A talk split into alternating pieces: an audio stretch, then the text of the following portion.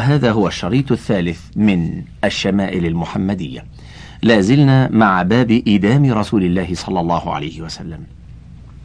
حدثنا محمود بن غيلان حدثنا وكيع حدثنا مسعر عن أبي صخرة جامع بن شداد عن المغيرة بن شعبة. قال ضفت مع رسول الله صلى الله عليه وسلم ذات ليلة فأتي بجنب مشوي ثم أخذ الشفرة فجعل يحز فحز لي بها منها. قال فجاء بلال يؤذنه بالصلاة فألقى الشفرة فقال ما له؟ تربت يداه. قال وكان شاربه قد وفى. فقال له أقصه لك على سواك أو قصه على سواك. حاشية. ضفت كنت ضيفا عليه. الجنب المشوي قطعة من اللحم المشوي. الشفرة السكين. قال فجاء بلال أي قال المغيرة. يؤذنه يعلمه بوقتها.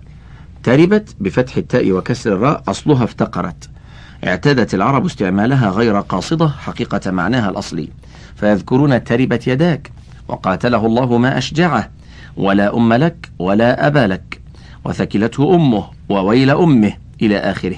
يقولونها عند إنكار الشيء أو الزجر عنه أو العزم عليه أو استعظامه أو الحث عليه أو الإعجاب به. والله أعلم. في رواية أبي داود كان شاربي فيكون الضمير عائدا إلى بلال وفيه التفات من التكلم إلى الغيبة. والتقدير قال المغيرة وكان شارب بلال قد طال وأشرف على فمه والذي يقص منه هو الذي يسيل على الفم. وفى طال وأشرف على فمه. أقصه لك؟ بتقدير همزة الاستفهام أي أقصه لك على سواك؟ والسواك هو عود الأراك الذي يستاك به فيوضع العود تحت الشارب ثم يقص ما فضل عن السواك. أو شك من الرواة من المغيرة أو غيره في أي العبارتين قالها النبي صلى الله عليه وسلم. وقصة فعل أمر أي قصة أنت. انتهت الحاشية. حدثنا واصل بن عبد الأعلى. حدثنا محمد بن فضيل عن أبي حيان التيمي عن أبي زرعة عن أبي هريرة قال أتي النبي صلى الله عليه وسلم بلحم فرفع إليه الذراع وكانت تعجبه فنهش منها. حدثنا محمد بن بشار حدثنا أبو داود عن زهير يعني ابن محمد عن أبي إسحاق عن سعيد بن عياض عن مسعود قال كان النبي صلى الله عليه وسلم يعجبه الذراع قال وسم في الذراع وكان يرى أن اليهود سموه. حاشية كان ذلك في غزوة خيبر وضعته له زينب بنت الحارث بإيعاز من يهود وأخبر النبي صلى الله عليه وسلم بالسم فامتنع. وقد أسلمت زينب ولم ينتقم صلى الله عليه وسلم منها. وقد أحضرها صلى الله عليه وسلم وقال لها ما حملك على ذلك؟ فقالت إن كنت نبيا لا يضرك السم وإلا استرحنا منك. انتهت الحاشية. حدثنا محمد بن بشار حدثنا مسلم ابن إبراهيم عن أبان بن يزيد عن قتادة عن شهر بن حوشب عن أبي عبيد قال طبخت للنبي صلى الله عليه وسلم قدرا. وقد كان يعجبه الذراع فناولته الذراع. ثم قال ناولني الذراع فناولته. ثم قال ناولني الذراع. فقلت يا رسول الله وكم للشاة من ذراع؟ فقال والذي نفسي بيده. لو سكت لناولتني الذراع ما دعوت. حاشية بالتصغير بدون تاء وهو مولى للنبي صلى الله عليه وسلم. أي أبي أبو عبيد. وقد جاء أيضا بالتاء أبو عبيدة.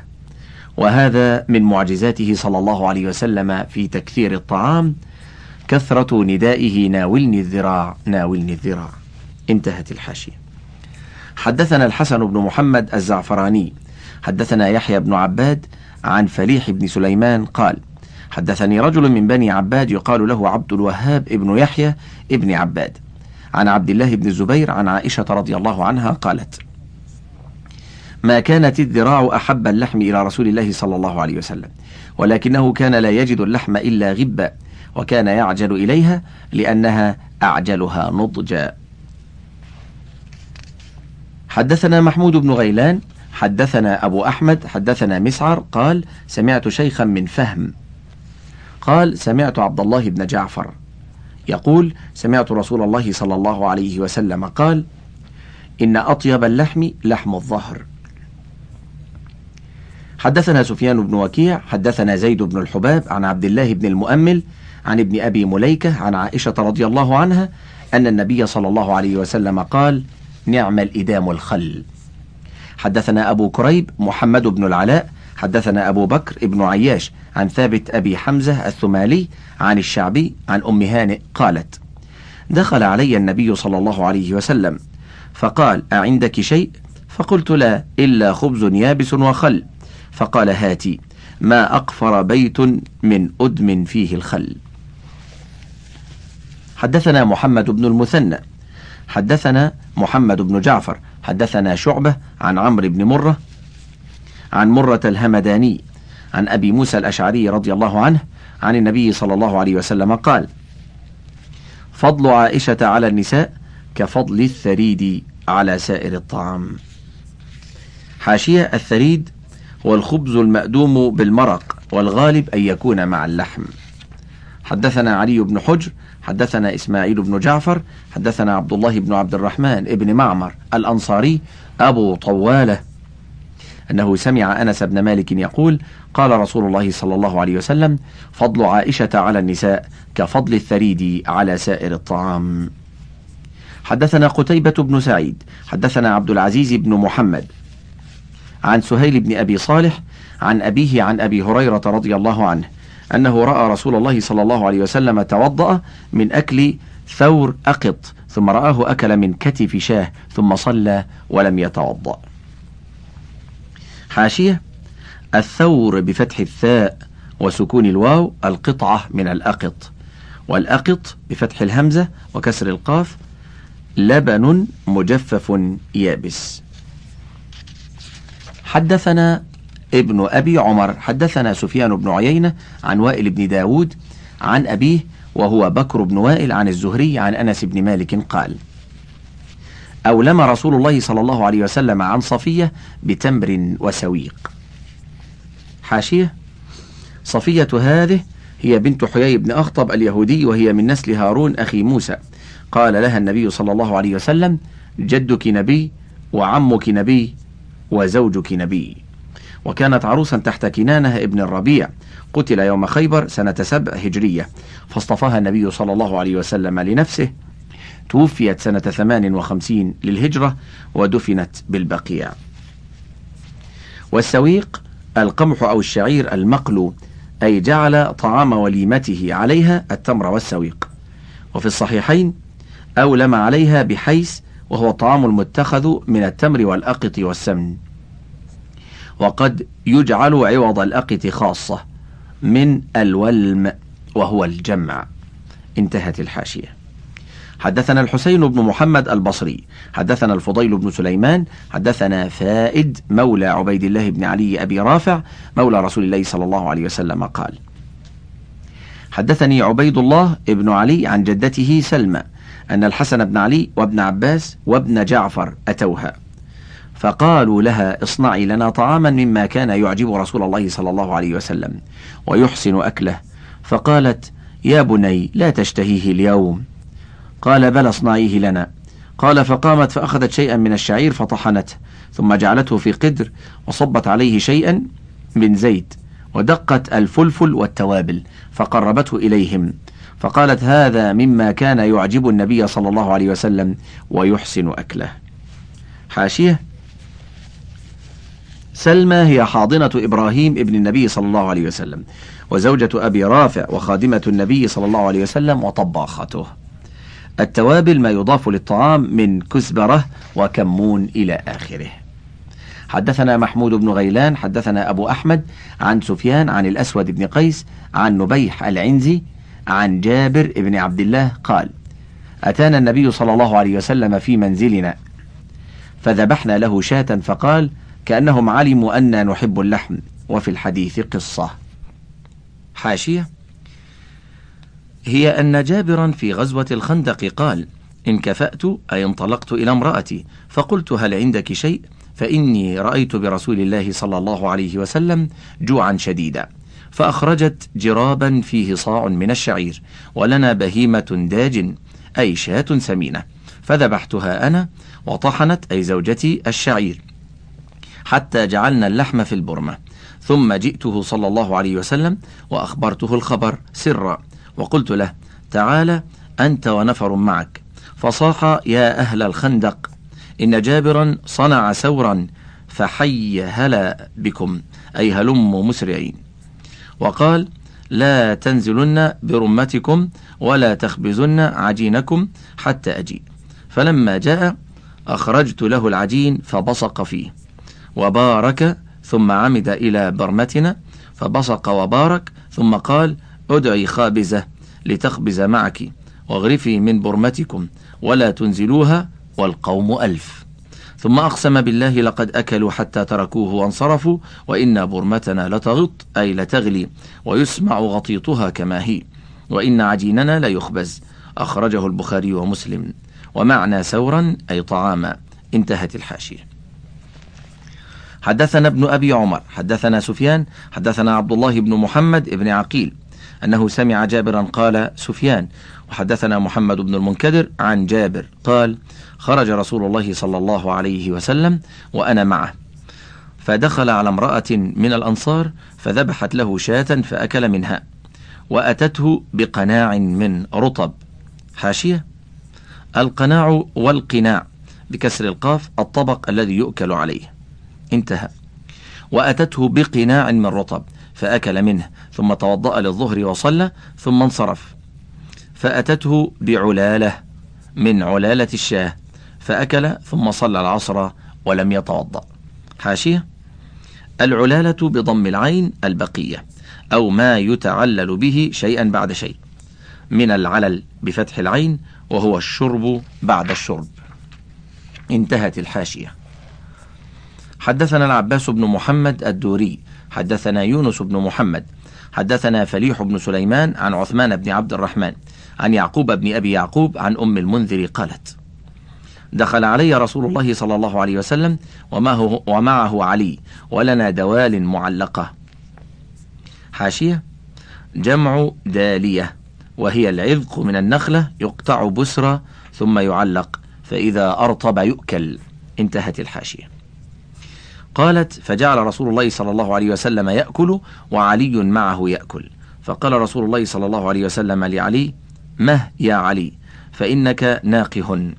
حاشية مه اسم فعل أمر بمعنى اكفف وناقه قريب عهد بمرض ويستفاد من الحديث الحمية للمريض والناقه. انتهى. قالت فجلس علي والنبي صلى الله عليه وسلم يأكل. قالت فجعلت لهم سلقا وشعيرا. فقال النبي صلى الله عليه وسلم لعلي من هذا فأصب فإن هذا أوفق لك. حدثنا محمود بن غيلان حدثنا بشر بن السري عن سفيان عن طلحة بن يحيى عن عائشة أم المؤمنين رضي الله عنها قالت كان النبي صلى الله عليه وسلم يأتيني فيقول أعندك غداء؟ فأقول لا فيقول إني صائم. قالت فأتاني يوما فقلت يا رسول الله إني أهديت لنا هدية. قال وما هي؟ قلت حيس قال أما إني أصبحت صائما. قالت ثم أكل. حاشية. الغداء طعام أول النهار. الحيس بفتح الحاء هو التمر مع السمن والأقط أو الدقيق.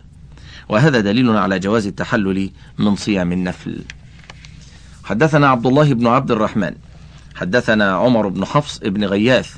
حدثنا أبي عن محمد بن أبي يحيى الأسلمي عن يزيد بن أبي أمية الأعور عن يوسف بن عبد الله بن سلام قال رأيت النبي صلى الله عليه وسلم أخذ كسرة من خبز الشعير فوضع عليها تمرة وقال هذه إدام هذه وأكل. حدثنا عبد الله بن عبد الرحمن حدثنا سعيد بن سليمان عن عباد بن العوام عن حميد عن أنس أن رسول الله صلى الله عليه وسلم كان يعجبه الثفل. قال عبد الله يعني ما بقي من الطعام. باب ما جاء في صفة وضوء رسول الله صلى الله عليه وسلم. حدثنا أحمد بن منيع حدثنا إسماعيل بن إبراهيم عن أيوب عن ابن أبي مليكة عن ابن عباس أن رسول الله صلى الله عليه وسلم خرج من الخلاء فقرب إليه الطعام فقال فقالوا ألا نأتيك بوضوء؟ قال إنما أمرت بالوضوء إذا قمت إلى الصلاة. حاشية المراد بالوضوء هنا الوضوء اللغوي وهو غسل اليدين والفم. الوضوء بفتح الواو ما يتوضأ به وبالضم الفعل. انتهت الحاشية. حدثنا سعيد بن عبد الرحمن المخزومي. حدثنا سفيان بن عيينة عن عمرو بن دينار عن سعيد بن الحويرث عن ابن عباس قال خرج رسول الله صلى الله عليه وسلم من الغائط فأتي بطعام فقيل له ألا تتوضأ؟ فقال أصلي فأتوضأ. حدثنا يحيى بن موسى حدثنا عبد الله بن نمير حدثنا قيس بن الربيع وحدثنا قتيبة حدثنا عبد الكريم الجرجاني عن قيس بن الربيع عن أبي هشام عده زاذان عن سلمان قال قرأت في التوراة إن بركة الطعام الوضوء قبله. والوضوء بعده. فذكرت ذلك للنبي صلى الله عليه وسلم فأخبرته وأخبرته بما قرأته في التوراة. فقال رسول الله صلى الله عليه وسلم بركة الطعام الوضوء قبله والوضوء بعده. انتهت الحاشية. باب ما جاء في قول رسول الله صلى الله عليه وسلم قبل الطعام وبعدما يفرغ منه. حدثنا قتيبة حدثنا ابن لهيعة عن يزيد بن أبي حبيب عن راشد بن جندل اليافعي عن حبيب بن أوس عن أبي أيوب الأنصاري. قال كنا عند النبي صلى الله عليه وسلم يوم فقرب طعاما فلم أر طعاما كان أعظم بركة منه. أول ما أكلنا ولا أقل بركة في آخره. فقال يا رسول الله كيف هذا؟ قال إنا ذكرنا اسم الله حين أكلنا. ثم قعد من أكل ولم يسم الله تعالى فأكل معه الشيطان. حاشية. أبو أيوب الأنصاري اسمه خالد بن زيد صحابي جليل وهو الذي بركت ناقة رسول الله صلى الله عليه وسلم أمام بيته في أول الهجرة. مات بالقسطنطينية سنة 51 هجرية وقبره معروف وقد شيد مسجد كبير بجانبه كما وأصبح حوله حي يعرف باسمه. انتهت الحاشية. حدثنا يحيى بن موسى حدثنا أبو داود حدثنا هشام الدستوائي عن بديل العقيلي عن عبد الله بن عبيد بن عمير عن أم كلثوم عن عائشة قالت قال رسول الله صلى الله عليه وسلم إذا أكل أحدكم فنسي فنسي أن يذكر الله تعالى على طعامه فليقل بسم الله أوله وآخره. حدثنا عبد الله بن الصباح الهاشمي البصري. حدثنا عبد الأعلى عن معمر عن هشام بن عروة عن أبيه عن عمر بن سلمة أنه دخل على رسول الله صلى الله عليه وسلم وعنده طعام. فقال أدن يا بني فسم الله تعالى وكل بيمينك وكل مما يليك. حدثنا محمود بن غيلان حدثنا أبو أحمد الزبيري. حدثنا سفيان الثوري عن أبي هاشم عن ابن إسماعيل رياح عن أبيه رياح بن عبيد عن أبي سعيد الخدري قال كان رسول الله صلى الله عليه وسلم إذا فرغ من طعامه قال الحمد لله الذي أطعمنا وسقانا وجعلنا مسلمين حدثنا محمد بن بشار حدثنا يحيى بن سعيد حدثنا ثور بن يزيد عن خالد بن معدان عن أبي أمامة قال كان رسول الله صلى الله عليه وسلم إذا رفعت المائدة من بين يديه يقول الحمد لله حمدا كثيرا طيبا مباركا فيه غير مودع ولا مستغنى عنه ربنا. حاشية مودع بضم الميم وبتجديد الدال المفتوحة أي غير متروك ذلك الحمد بل الاشتغال به دائم من غير انقطاع كما أن نعمه سبحانه لا تنقطع عنا طرفة عين. ومعنى لا مستغنى عنه أي لا يستغني عنه أحد. انتهت الحاشية. حدثنا أبو بكر محمد بن أبان حدثنا وكيع عن هشام الدستوائي عن بديل بن ميسرة العقيلي عن عبد الله بن عبيد بن عمير عن أم كلثوم عن عائشة قالت كان النبي صلى الله عليه وسلم يأكل الطعام في ستة من أصحابه فجاء أعرابي فأكله بلقمتين فقال رسول الله صلى الله عليه وسلم لو سمى لكفاكم. حاشية هذا الحديث يدل على أن التسمية فيها بركة في الطعام وأن عدم التسمية فيها محق للبركة. انتهى. حدثنا هناد ومحمود بن غيلان قال حدثنا أبو أسامة عن زكريا بن أبي زائدة عن سعيد بن أبي بردة عن أنس بن مالك قال قال رسول الله صلى الله عليه وسلم إن الله لا يرضى عن العبد أن يأكل الأكلة فيحمده عليها أو يشرب الشربة فيحمده عليها. باب ما جاء في قدح رسول الله صلى الله عليه وسلم. حدثنا الحسين بن الأسود أي في قدح رسول الله صلى الله عليه وسلم. حدثنا الحسين بن الأسود البغدادي حدثنا عمرو بن محمد حدثنا عيسى بن طهمان عن ثابت قال أخرج إلينا أنس بن مالك قدح خشب غليظا مضببا بحديد. فقال يا ثابت هذا قدح رسول الله صلى الله عليه وسلم. حاشية؟ المضب والمضبب أي مشدود بضباب أو ضباب من حديد. جمع ضبة وهي حديدة عريضة يجمع فيها الخشب ويمنعها من التفريق. حدثنا عبد الله ابن عبد الرحمن. أنبأنا حماد بن سلمة أنبأنا حميد وثابت عن أنس قال لقد سقيت رسول الله صلى الله عليه وسلم بهذا القدح الشراب كله. الماء والنبيذ والعسل واللبن. حاشية. هذا القدح السابق المضبب بحديد. النبيذ هو ماء يجعل فيه تمرات ليحلو وكان يوضع له التمر أول الليل ويشرب منه إذا أصبح. انتهت الحاشية. باب ما جاء في صفة فاكهة رسول الله صلى الله عليه وسلم. حدثنا إسماعيل بن موسى الفزاري. حدثنا إبراهيم بن سعد عن أبيه عن عبد الله بن جعفر قال كان النبي صلى الله عليه وسلم يأكل القثاء بالرطب. حاشية؟ القثاء يشبه الخيار ولكنه أكبر منه. انتهى. حدثنا عبدة ابن عبد الله الخزاعي البصري. حدثنا معاوية بن هشام عن سفيان عن هشام بن عروة عن أبيه عن عائشة رضي الله عنها أن النبي صلى الله عليه وسلم كان يأكل البطيخ بالرطب. حدثنا إبراهيم بن يعقوب حدثنا وهب بن جرير حدثنا أبي قال سمعت حميد يقول أو قال حدثني حميد قال وهب وكان صديقا له عن أنس بن مالك قال رأيت رسول الله صلى الله عليه وسلم يجمع بين الخربز والرطب. حاشية.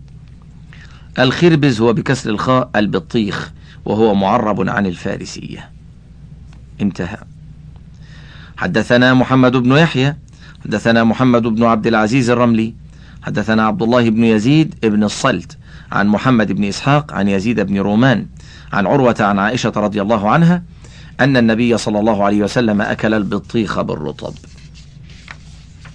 حدثنا قتيبة بن سعيد عن مالك بن أنس حاء أي تحويل الإسناد. حدثنا إسحاق بن موسى حدثنا معا حدثنا مالك عن سهيل بن أبي صالح عن أبي هريرة قال كان الناس إذا رأوا أول الثمر جاءوا به إلى رسول الله صلى الله عليه وسلم. فإذا أخذه رسول الله صلى الله عليه وسلم قال اللهم بارك لنا في ثمارنا وبارك لنا في مدينتنا وبارك لنا في صاعنا وفي مدنا. اللهم إن إبراهيم عبدك وخليلك ونبيك وإني عبدك ونبيك وإنه دعاك لمكة وإني أدعوك للمدينة بمثل ما دعاك به لمكة ومثله معه. قال ثم يدعو أصغر وليد يراه فيعطيه ذلك الثمر. حاشية؟ وبارك وبارك لنا في صاعنا أي ببركة دعاء النبي صلى الله عليه وسلم. لها كان في قليل ثمارها كفاية لكثير سكانها. والله أعلم. والوليد ولد أي يدعو أصغر طفل.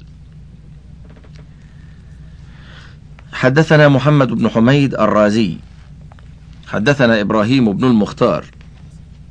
عن محمد بن إسحاق عن أبي عبيد بن محمد بن عمار بن يسار عن الربيع بنت معوذ ابن عفراء قالت حاشية وزيادة في التعليق على الحديث السابق ثم يدعو أصغر وليد يراه فيعطيه ذلك الثمر.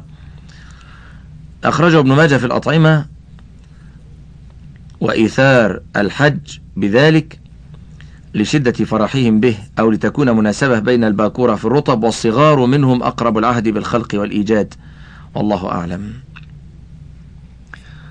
نقول في الحديث الجديد عن الربيع بنت معوذ بن عفراء قالت بعثني معاذ بن عفراء بقناع من رطب وعليه أجر من قثاء. زغب وكان صلى الله عليه وسلم يحب القثاء فأتيته به وعنده حلية. قد قدمت عليه من البحرين فملأ يده منها فأعطانيه. حاشية. الربيع بتجديد الراء المضمومة وفتح الباء وبتجديد الياء المكسورة. الصحابية الأنصارية. ومعوذ بفتح بضم الميم وفتح العين وكسر الواو. بل معوذ. والربيع ممن بايع النبي صلى الله عليه وسلم تحت الشجرة بيعة الرضوان روى عنها أهل المدينة. إذا فهي الربيع بنت معوذ. وأبوها معوذ هو أحد الذين قتلوا أبا جهل بن هشام عدو الله يوم بدر. وفي البخاري في الجهاد والطب عنها قالت كنا نفروا مع رسول الله صلى الله عليه وسلم نسقي القوم ونخدمهم ونرد القتلى والجرحى إلى المدينة. القناع الطبق الذي يؤكل فيه.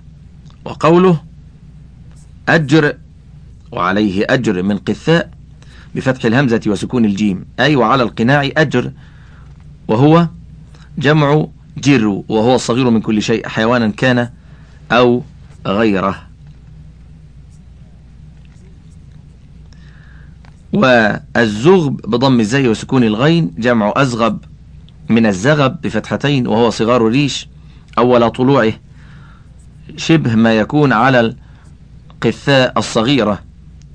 فشبه ذلك بأطراف الريش أول طلوعه. الحلية بالكسر فسكون اسم لما يتزين به من نقد أو غيره. ومن البحرين أي من خراج البحرين. وهذا من سخائه صلى الله عليه وسلم وفيه مناسبة الحلية للمرأة. وفي أعطانيه إجراء للضمير المنفصل مجرى المتصل والأصل أعطاني إياه. حدثنا علي بن حجر حدثنا شريك عن عبد الله بن محمد ابن عقيل عن الربيع بنت معوذ ابن عفراء قالت أتيت النبي صلى الله عليه وسلم بقناع من رطب وأجر وأجر زغب فأعطاني ملء كفه حليا أو قال الذهب. باب ما جاء في صفة شراب رسول الله صلى الله عليه وسلم. حدثنا ابن أبي عمر حدثنا سفيان عن معمر عن الزهيري عن عروة عن عائشة. عزيز المستمع أوردها الزهيري. والمألوف والمعروف لتلاميذ طلاب العلم أمثالنا أنه الزهري وليس الزهيري والله أعلم. حدثنا سفيان عن معمر عن الزهيري عن عروة عن عائشة رضي الله عنها قالت كان أحب الشراب إلى رسول الله صلى الله عليه وسلم الحلو البارد. حدثنا أحمد بن منيع حدثنا إسماعيل بن إبراهيم حدثنا علي بن زيد عن عمر هو ابن أبي حرملة عن ابن عباس رضي الله عنهما قال دخلت مع رسول الله صلى الله عليه وسلم أنا وخالد بن الوليد على ميمونة فجاءتنا بإناء من لبن فشرب رسول الله صلى الله عليه وسلم وأنا على يمينه. وخالد عن شماله فقال لي الشربة لك. فقال لي الشربة لك. فإن شئت آثرت بها خالدا. فقلت ما كنت لأوثر على سؤرك أحدا. ثم قال رسول الله صلى الله عليه وسلم من أطعمه الله طعاما فليقل اللهم بارك لنا فيه وأطعمنا خيرا منه. ومن سقاه الله عز وجل لبنا فليقل اللهم بارك لنا فيه وزدنا منه. ثم قال قال رسول الله صلى الله عليه وسلم ليس شيء يجزئ مكان الطعام والشراب غير اللبن.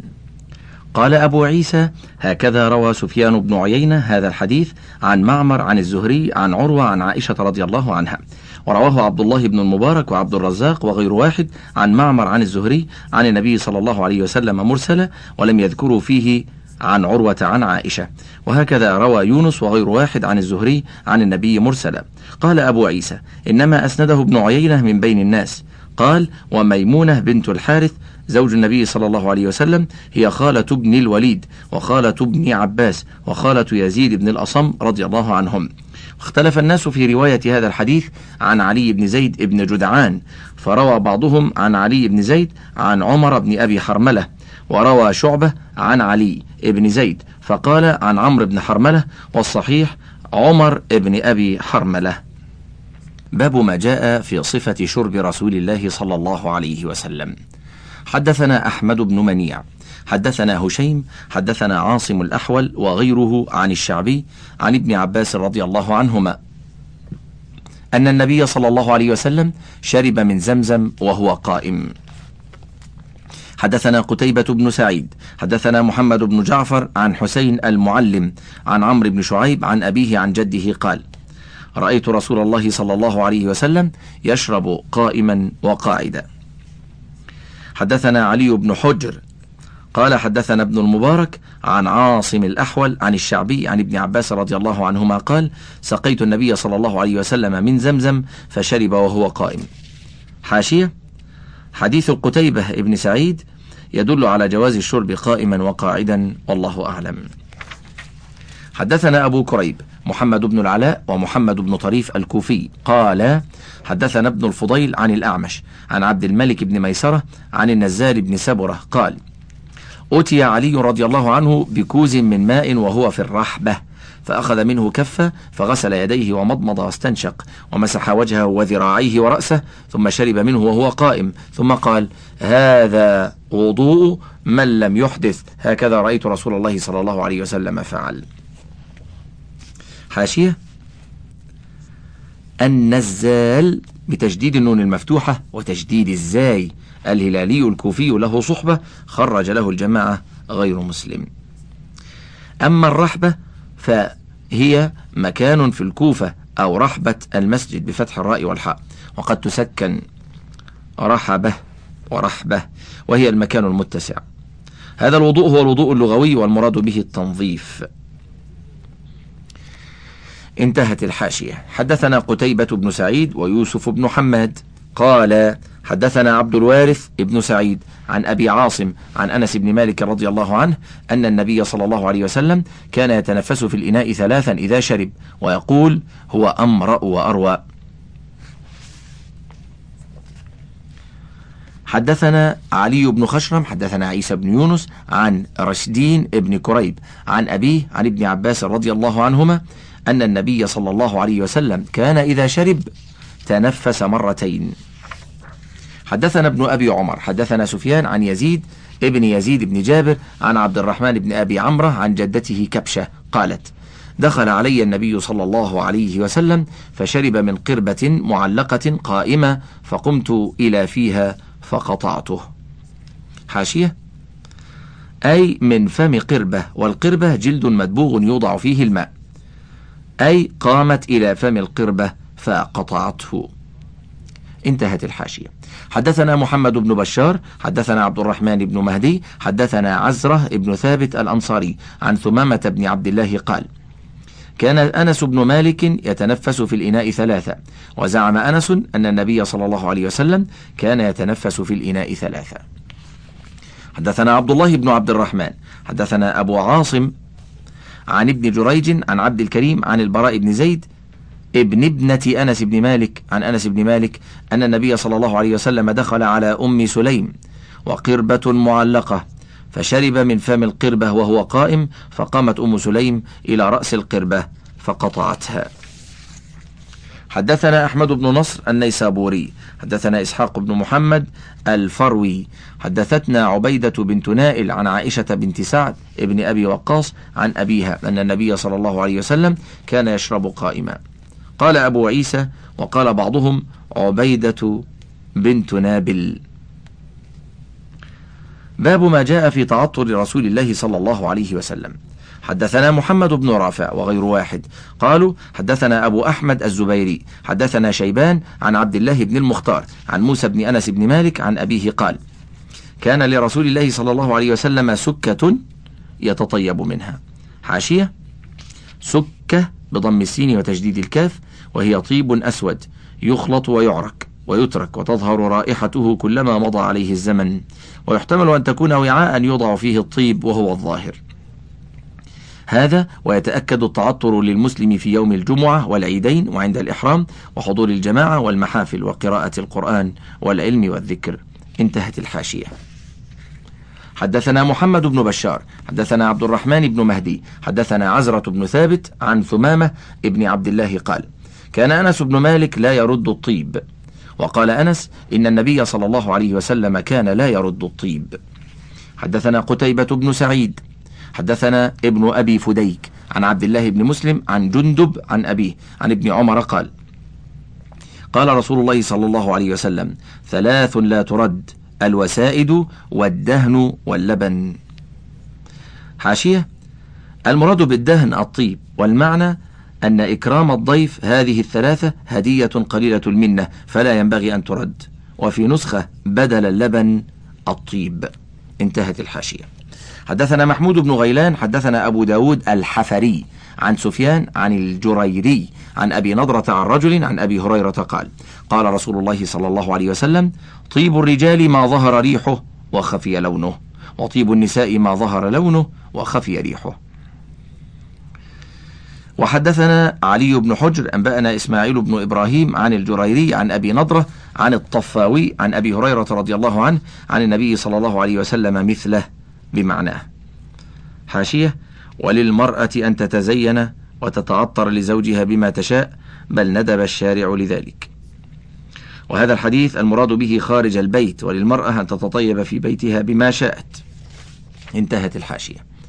حدثنا محمد بن خليفة وعمرو بن علي. قال حدثنا يزيد بن زريع حدثنا حجاج الصواف عن حنان عن أبي عثمان النهدي. قال قال رسول الله صلى الله عليه وسلم إذا أعطي أحدكم الريحان فلا يرده فإنه خرج من الجنة. والريحان حاشية. الريحان هو كل نبت طيب الريح ومنه الحبق. انتهى. قال أبو عيسى ولا نعرف لحنان غير هذا الحديث. وقال عبد الرحمن ابن أبي حاتم في كتاب الجرح والتعديل. حنان الأسدي من بني أسد ابن شريك وهو صاحب الرقيق عم والد مسدد. وروى عن أبي عثمان النهدي وروى عنه الحجاج ابن أبي عثمان الصواف. سمعت أبي يقول ذلك. حدثنا عمر بن إسماعيل ابن مجالد ابن سعيد الهمذاني. حدثنا أبي عن بيان عن قيس بن أبي حازم عن جرير بن عبد الله قال عرضت بين يدي عمر بن الخطاب رضي الله عنه فألقى جرير رداءه ومشى في إزار. فقال له خذ رداءك. فقال عمر للقوم ما رأيت رجلا أحسن صورة من جرير إلا ما بلغنا من صورة يوسف الصديق. عليه السلام. باب كيف كان كلام رسول الله صلى الله عليه وسلم. حدثنا حميد بن مسعدة البصري حدثنا حميد الأسود عن أسامة بن زيد عن الزهري عن عروة عن عائشة رضي الله تعالى عنها قالت ما كان رسول الله صلى الله عليه وسلم يسرد كسردكم هذا ولكنه كان يتكلم بكلام بين فصل يحفظه من جلس إليه. حدثنا محمد بن يحيى حدثنا أبو قتيبة مسلم بن قتيبة عن عبد الله بن المثنى عن ثمامة عن أنس بن مالك قال كان رسول الله صلى الله عليه وسلم يعيد الكلمة ثلاثة لتعقل عنه. حدثنا سفيان بن وكيع حدثنا جميع بن عمر بن عبد الرحمن العجلي. قال حدثني رجل من بني تميم من ولد أبي هالة زوج خديجة يكنى أبا عبد الله عن ابن لأبي هالة عن الحسن ابن علي رضي الله تعالى عنهما قال سألت خالي هند بن أبي هالة وكان وصافا. فقلت صف لي منطق رسول الله صلى الله عليه وسلم. قال كان رسول الله صلى الله عليه وسلم متواصل الأحزان دائم الفكرة ليست له راحة طويل السكت لا يتكلم في غير حاجة يفتتح الكلام ويختمه بسم الله تعالى. ويتكلم بجوامع الكلم كلامه فصل لا فضول ولا تقصير ليس بالجافي ولا المهين. يعظم النعمة وإن دقت لا يذم منها شيئا غير أنه لم يكن يذم ذواقا ولا يمدحه حاشية. الذواق المأكول والمشروب أي كان صلى الله عليه وسلم يمدح جميع نعم الله ولا يشتغل بمذمتها قط. انتهى. ولا يمدحه ولا تغضبه الدنيا ولا ما كان لها فإذا تعدي الحق لم يكن لم يقم لغضبه شيء حتى ينتصر له ولا يغضب لنفسه ولا ينتصر لها. إذا أشار أشار بكفه كلها. وإذا تعجب قلبها. وإذا تحدث اتصل بها. وضرب براحته اليمنى بطن إبهامه اليسرى. وإذا غضب أعرض وأشاح. وإذا فرح غض طرف غض طرفه. جل ضحكه التبسم. يفتر عن مثل حب الغمام. حاشية. الغمام السحاب وحب الغمام هو البرد شبه به أسنانه البيض صلى الله عليه وآله وسلم. انتهت الحاشية. باب ما جاء في ضحك رسول الله صلى الله عليه وسلم. حدثنا أحمد بن منيع حدثنا عباد بن العوام أخبرنا الحجاج وهو ابن أرطأة عن سماك بن حرب عن جابر بن سمرة رضي الله عنه قال كان في ساق رسول الله صلى الله عليه وسلم حموشة وكان لا يضحك إلا تبسما. فكنت إذا نظرت إليه قلت أكحل العينين وليس بأكحل. حاشية. بالنسبة للحموشة حمش الرجل كان دقيق الساقين وفي بعض النسخ بالخاء. والخمش اسم لجرح البشرة. الكحل بفتحتين سواد في أجفان العين خلقة. انتهت الحاشية. حدثنا قتيبة بن سعيد أخبرنا ابن لهيعة عن عبد الله بن المغيرة عن عبد الله بن الحارث بن جز رضي الله عنه أنه قال ما رأيت أحدا أكثر تبسما من رسول الله صلى الله عليه وسلم. حدثنا أحمد بن خالد الخلال حدثنا يحيى بن إسحاق السليحاني. حدثنا ليث بن سعد عن يزيد بن أبي حبيب عن عبد الله بن الحارث رضي الله عنه قال الحديث إذن حدثنا أحمد بن خالد الخلال حدثنا يحيى بن إسحاق السيلحاني حدثنا ليث بن سعد عن يزيد بن أبي حبيب عن عبد الله بن الحارث رضي الله عنه قال ما كان ضحك رسول الله صلى الله عليه وسلم إلا تبسما. قال أبو عيسى هذا حديث غريب من حديث ليث بن سعد. حدثنا أبو عمار الحسين بن حريث حدثنا وكيع حدثنا الأعمش عن المعرور بن سويد عن أبي ذر رضي الله عنه قال قال رسول الله صلى الله عليه وسلم إني لأعلم أول رجل يدخل الجنة وآخر رجل يخرج من النار. يؤتى بالرجل يوم القيامة فيقال أعرضوا عليه صغار ذنوبه ويخبأ عنه كبارها. فيقال له عملت يوم كذا كذا وكذا وهو مقر لا ينكر وهو مشفق من كبارها. فيقال أعطوه مكان كل سيئة عملها حسنة. فيقول إن لي ذنوبا لا أراها هنا. قال أبو ذر فقد رأيت رسول الله صلى الله عليه وسلم ضحك حتى بدت نواجذه. حدثنا أحمد بن منيع حدثنا معاوية بن عمرو حدثنا زائدة عن بيان عن قيس بن أبي حازم عن جرير بن عبد الله رضي الله عنه قال ما حجبني رسول الله صلى الله عليه وسلم منذ أسلمت ولا رآني إلا ضحك. حدثنا أحمد بن منيع حدثنا معاوية بن عمرو حدثنا زائدة عن إسماعيل بن أبي خالد عن قيس عن جرير قال ما حجبني رسول الله صلى الله عليه وسلم ولا رآني منذ أسلمت إلا تبسم. حدثنا هناد بن السري حدثنا أبو معاوية عن الأعمش عن إبراهيم عن عبيدة السلماني عن عبد الله بن مسعود رضي الله عنه قال قال رسول الله صلى الله عليه وسلم إني لأعرف آخر أهل النار خروجا. رجل يخرج منها زحفا فيقال له انطلق فادخل الجنة. قال فيذهب ليدخل الجنة. فيجد الناس قد أخذوا المنازل. فيرجع ويقول فيرجع فيقول يا ربي قد أخذ الناس المنازل. فيقال له أتذكر الزمان الذي كنت فيه؟ فيقول نعم. قال فيقال له تمنى. قال فيتمنى. فيقال له فإن لك الذي تمنيت. وعشرة أضعاف الدنيا. قال فيقول تسخر بي وأنت الملك. قال فلقد رأيت رسول الله صلى الله عليه وسلم ضحك حتى بدت نواجذه. حاشية النواجذ الأضراس. انتهى. حدثنا قتيبة بن سعيد حدثنا أبو الأحوص عن أبي إسحاق عن علي بن ربيعة قال شهدت علي رضي الله عنه أتى بدابة ليركبها. فلما وضع رجله في الركاب قال بسم الله. فلما استوى على ظهرها قال الحمد لله. ثم قال سبحان الذي سخر لنا هذا وما كنا له مقرنين وإنا إلى ربنا لمنقلبون. حاشية. الآية الثالثة عشرة من سورة الزخرف ومعنى سخر لنا هذا أي ذلل لنا هذا المركب الصعب وجعله منقادا لنا. وما كنا له مقرنين أي مطيقين. من أقرن الشيء أطاقه وقوي عليه كأنه صار له قرنا أي مثله في الشدة. وقال بعض الشراح أي ما كنا مطيقين قهره واستعماله لو لم يسخره الله لنا. انتهى. ثم قال الحمد لله ثلاثا الله أكبر ثلاثا سبحانك إني ظلمت نفسي فاغفر لي فإنه لا يغفر الذنوب إلا أنت. ثم ضحك فقلت له من أي شيء ضحكت يا أمير المؤمنين؟ قال رأيت رسول الله صلى الله عليه وسلم صنع كما صنعت ثم ضحك. فقلت من أي شيء ضحكت يا رسول الله؟ قال إن ربك لا يعجب من عبده إذا قال رب اغفر لي ذنوبي.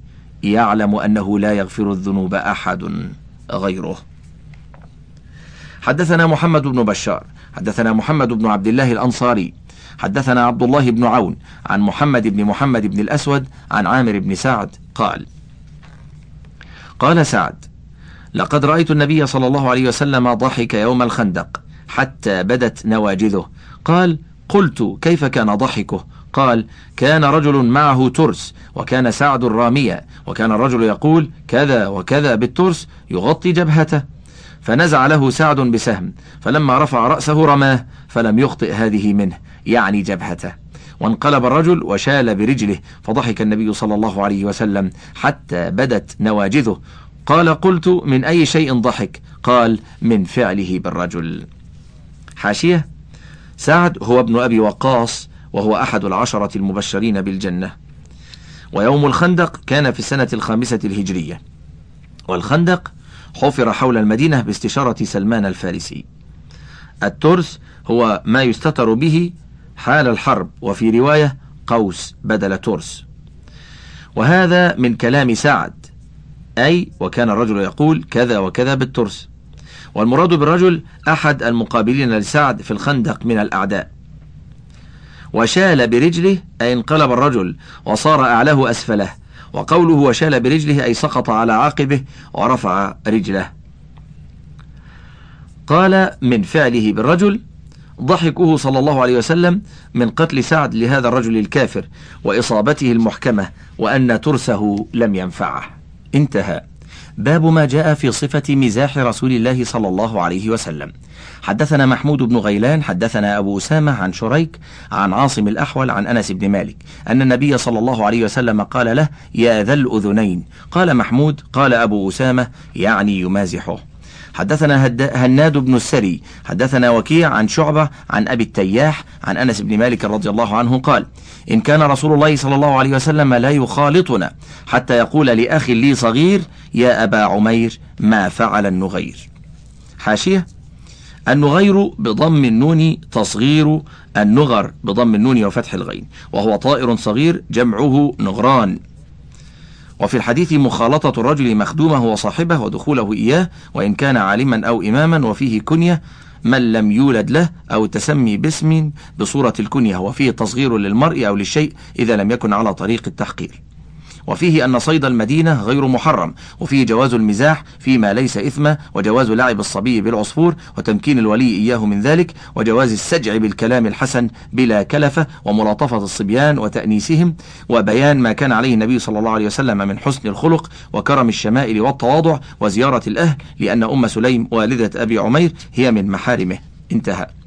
قال أبو عيسى وفقه هذا الحديث أن النبي صلى الله عليه وسلم كان يمازح وفيه أنه كان غلاما صغيرا فقال له يا أبا عمير. وفيه أنه لا بأس بأن يعطى الصبي الطير ليلعب به.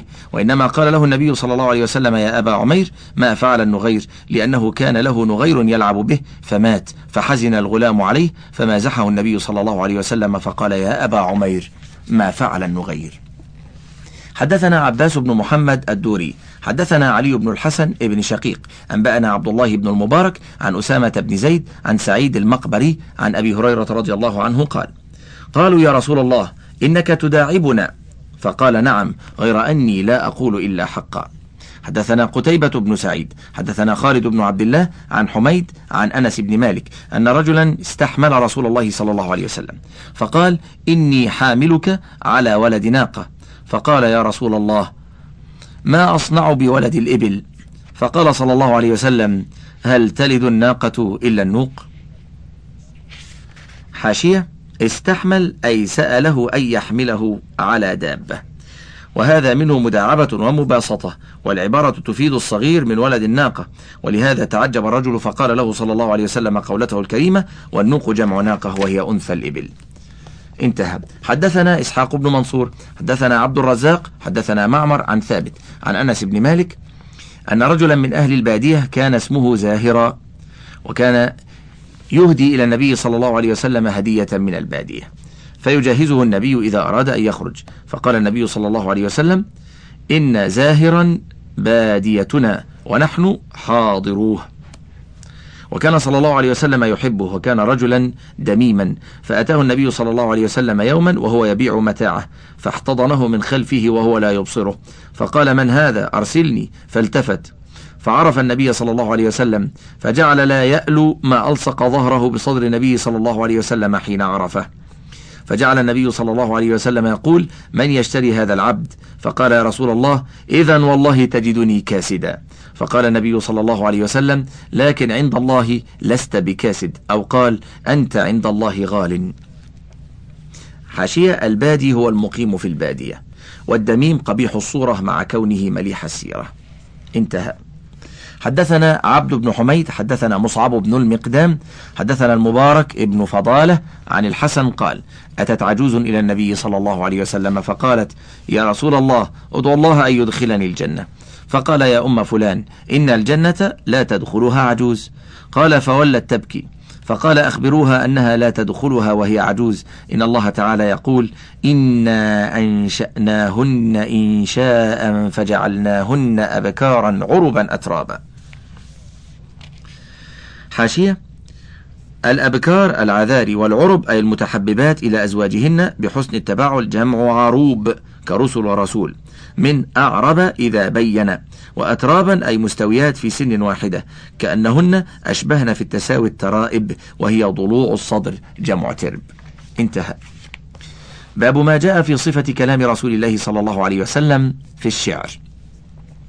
حدثنا علي بن حجر حدثنا شريك عن المقدام ابن شريح عن أبيه عن عائشة رضي الله عنها قالت قيل لها هل كان رسول الله صلى الله عليه وسلم يتمثل بشيء من الشعر؟ قالت كان يتمثل بشعر ابن رواحة ويتمثل بقوله ويأتيك بالأخبار من لم تزودي وفينا رسول الله يتلو كتابه إذا انشق معروف من الفجر ساطع أرانا الهدى بعد العمى فقلوبنا به موقنات أن ما قال واقع. يبيت يجافي جنبه عن فراشه إذا استثقلت بالكافرين المضاجع. ويتمثل أيضا بشعر طرفة ابن العبد قال ذلك في قصيدته المعلقة.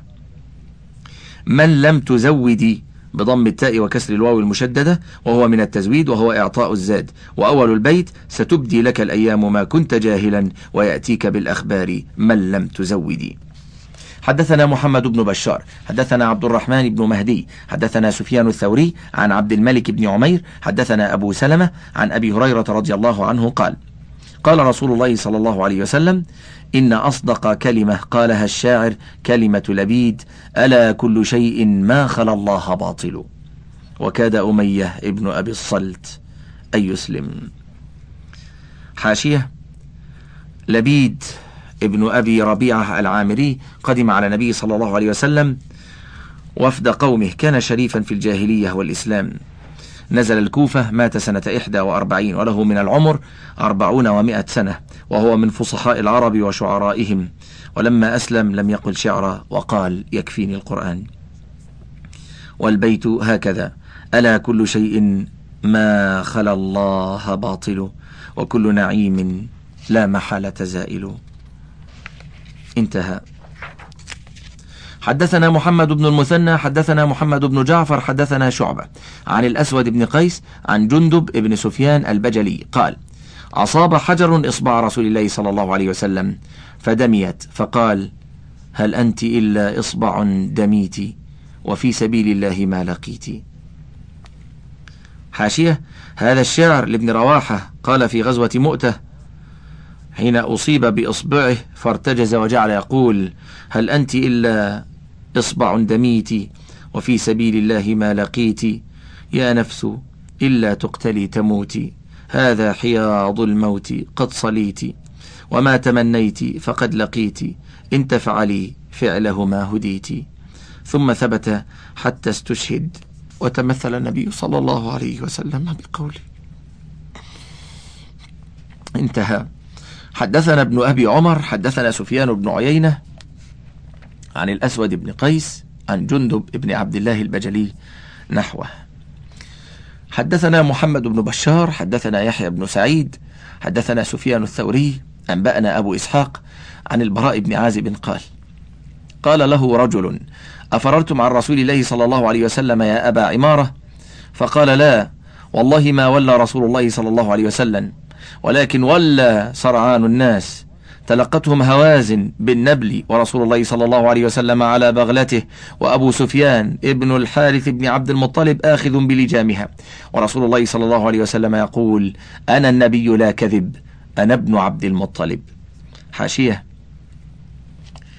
بضم العين هي كنية البراء.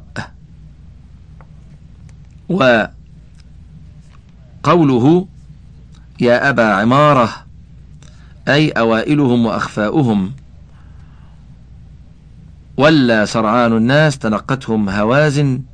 قبيلة المشهورة بشدة السهم لا تكاد تخطئ سهامهم. وهو ابن عم رسول الله صلى الله عليه وسلم أبو سفيان ابن الحارث وأخوه من الرضاعة. انتهت الحاشية. حدثنا إسحاق بن منصور حدثنا عبد الرزاق حدثنا جعفر بن سليمان حدثنا ثابت عن أنس أن النبي صلى الله عليه وسلم دخل مكة في عمرة القضاء وابن رواحة يمشي بين يديه وهو يقول خلوا بني الكفار عن سبيله اليوم نضربكم على تنزيله ضربا يزيل الهام عن مقيله ويذهل الخليل عن خليله. فقال له عمر يا ابن رواحة بين يدي رسول الله صلى الله عليه وسلم وفي حرم الله تقول الشعر فقال صلى الله عليه وسلم خل عنه يا عمر فلا هي أسرع فيهم من نضح النبل. حاشية عمرة القضاء حصلت بعد صلح الحديبية. نضربكم اليوم نضربكم على تنزيله. بسكون الباء لضرورة الشعر. إذا خلوا بني الكفار عن سبيله اليوم نضربكم على تنزيله. والتنزيل القرآن والنبل السهام والهام جمع هامة أعلى الرأس ومقيله أي موضعه. حدثنا علي بن حجر حدثنا شريك عن سماك بن حرب عن جابر بن سمرة قال جالست النبي صلى الله عليه وسلم أكثر من مئة مرة وكان أصحابه يتناشدون الشعر ويتذاكرون أشياء من أمر الجاهلية وهو ساكت وربما تبسم معهم. حدثنا علي بن حجر حدثنا شريك عن عبد الملك بن عمير عن أبي سلمة عن أبي هريرة عن النبي صلى الله عليه وسلم قال أشعر كلمة تكلمت بها العرب كلمة لبيد ألا كل شيء ما خلا الله باطل.